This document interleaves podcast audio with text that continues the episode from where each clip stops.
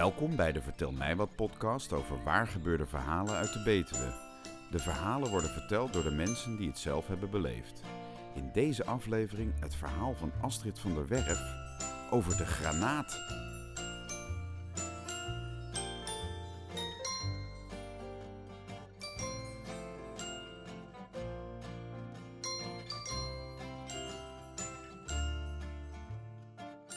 Ik woon sinds 2000 in Tricht. En als ik, uh, ik zal jullie even een beetje uh, schetsen waar.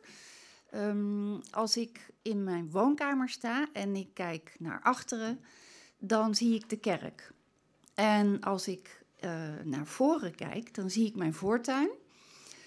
Um, die loopt een beetje schuin af. En aan het eind van de voortuin, daar stroomt de rivier de Lingen. Um, wil ik in mijn voortuin komen, moet ik wel eventjes de dijk oversteken. En dat is een vrij drukke weg in Tricht.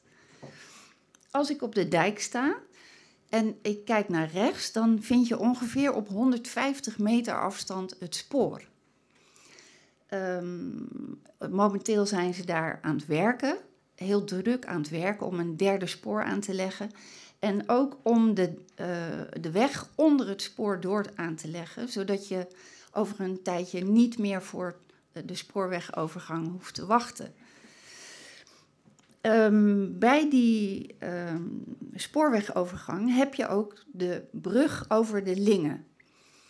Dat is een spoorbrug en daarnaast ligt een fietsbrug, uh, zodat je uit Tricht heel makkelijk het spoor over kunt, of uh, de brug over kunt en naar station Geldermalsen. Nou, um, over de Lingen, uh, die brug, dat is een betonnen brug. Maar daarvoor, die, die ligt er uh, vanaf 2010, want daarvoor lag er een ijzeren brug, een stalen brug. die voldeed niet meer omdat het treinverkeer steeds zwaarder werd. Um, dus we hadden eerst een stalen brug, en daarvoor, tot 17 april 1945, hadden we daar een vierbogenbrug. Dat was een gigantisch ding. Vier hele grote bogen. Ik weet niet of jullie wel eens met de trein uh, bij Culemborg uh, rijden, maar daar, dat is ook een boogbrug. Wij hadden daar dus vier bogen achter elkaar. Het deel over de Lingen kon ook nog open en dicht. Dus als er scheepvaart aankwam, dan deden ze hem open, zodat de schepen erdoor uh, konden en dan uh, daarna sloot hij weer. Maar um, de Duitsers hadden het al aangekondigd bij de mensen hier, bij mij in de buurt toen. Uh, ze konden nog net hun boeltje pakken en zouden hem daarna opblazen. Dat ging met klaar geweld onder elke pijler werd zo'n 6000 kilo springstof gelegd. Um, en, en, en de stukken vlogen dus in de ronde. Um, en die gebeurtenis en nog een paar andere gebeurtenissen uh, vlak bij mijn huis, rondom mijn huis, rondom de kerk.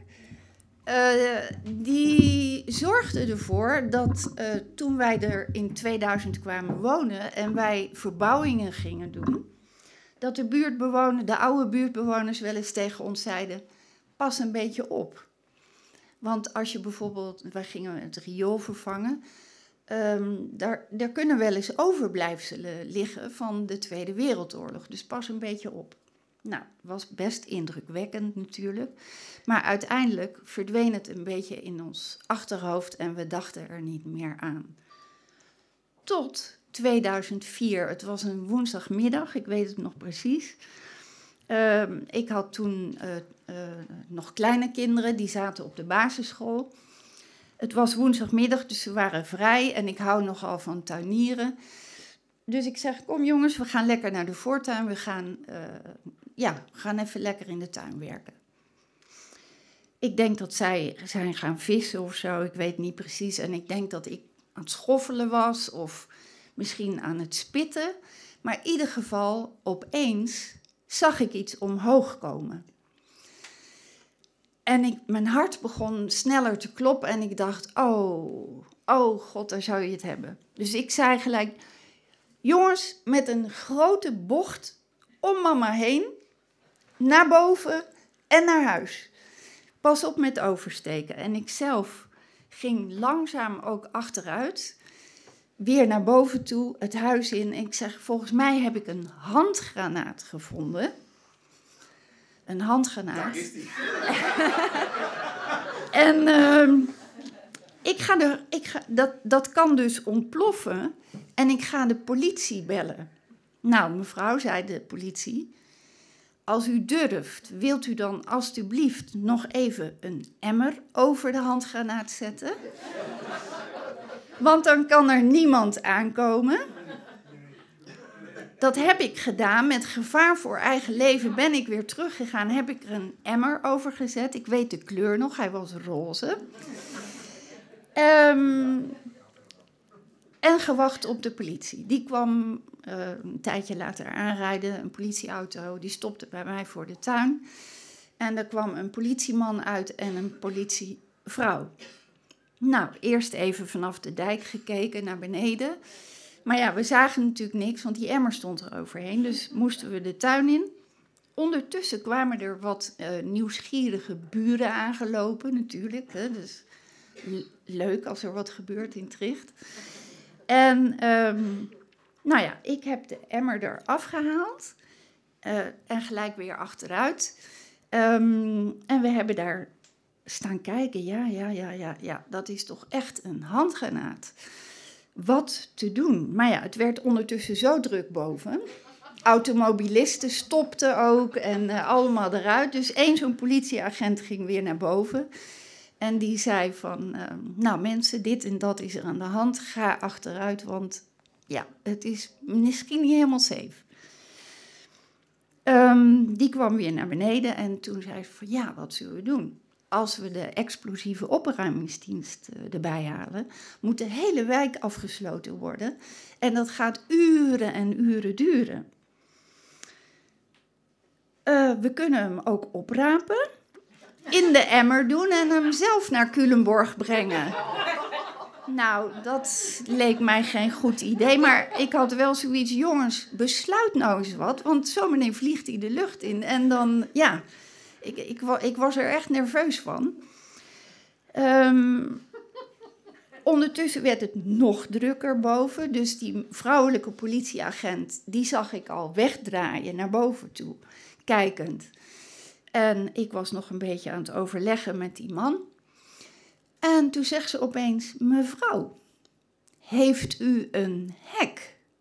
Ik dacht, wat irritant, wat irritant. We zijn hier bezig met gevaarlijke zaken en dan heeft u een hek. En opeens schoot er iets in mijn hoofd. Ik dacht, het zal toch niet waar zijn. Hè? Het schaamrood kwam op mijn kaken. En ik kijk zo naar achteren. Ik zeg, ja, ik heb een hek. Ik heb zo'n gietijzeren hek, weet je wel, met al die spijlen. Die staat helemaal langs de dijk. En op één zo'n staander van mijn hek ontbrak een knop. Zo'n dennenappel. En die dennenappel... Kijk, leek dus verdacht veel op een handgranaat met al die klei eromheen. Maar wat bleek dus gewoon het eindstuk van mijn hek te zijn, die daar waarschijnlijk al jaren in de grond had gelegen. Ik kreeg hem mee als trofee. Die meneer, die politieagent, die zei nog tegen mij, mevrouw, u hoeft zich echt niet te schamen, want ik dacht ook werkelijk dat het een handgranaat was.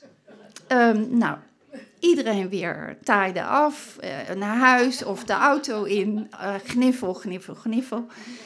Ik dacht, als ik nou ongeveer een dag of drie, vier, hooguit vijf binnen blijf, is iedereen het weer vergeten.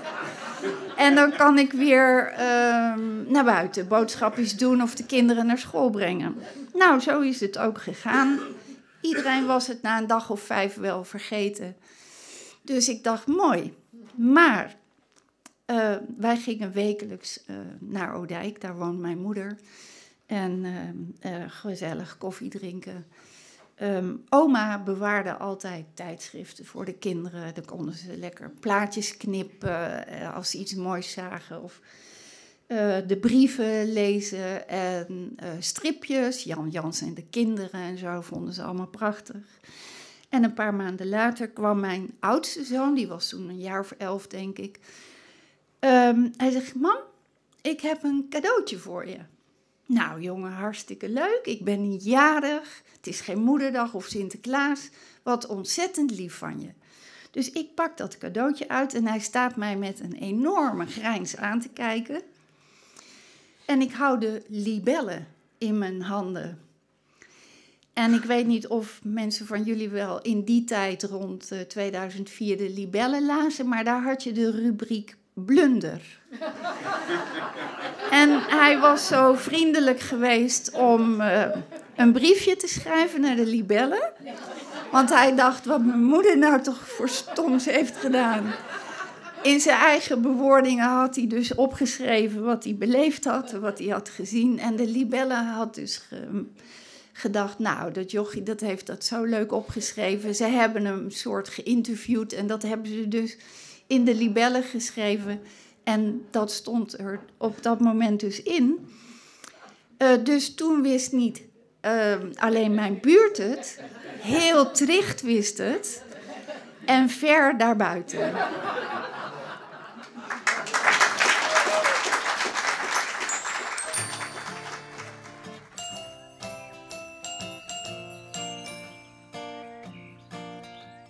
Vertel mij wat is een initiatief van Paula Smit uit het Betuwse dorpje Akkooi. Ze bedacht dat het leuk zou zijn als je verhalen zou kunnen horen van mensen die zelf iets bijzonders hebben meegemaakt. De verhalen worden niet voorgelezen, maar spontaan verteld. Een redactie onder leiding van Anja Kielestein selecteert vooraf de verhalen en geeft tips aan de vertellers. Tijdens elke Vertel mij wat avond treden 6 tot 8 vertellers op met hun eigen waargebeurde verhaal. En er is ook live muziek. We zijn altijd op zoek naar echte verhalen die door mensen uit de Betuwe worden verteld.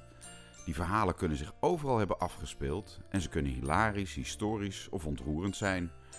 Neem contact op met ons als je een verhaal wil vertellen en kijk op onze website om te zien wanneer onze volgende vertelavond plaatsvindt. Kijk voor meer informatie op www.vertelmijwat.net. Het Vertel mij wat team wordt geleid door Charlotte Vonk. Productie van deze podcast is in handen van mijzelf, Melvin Keunings.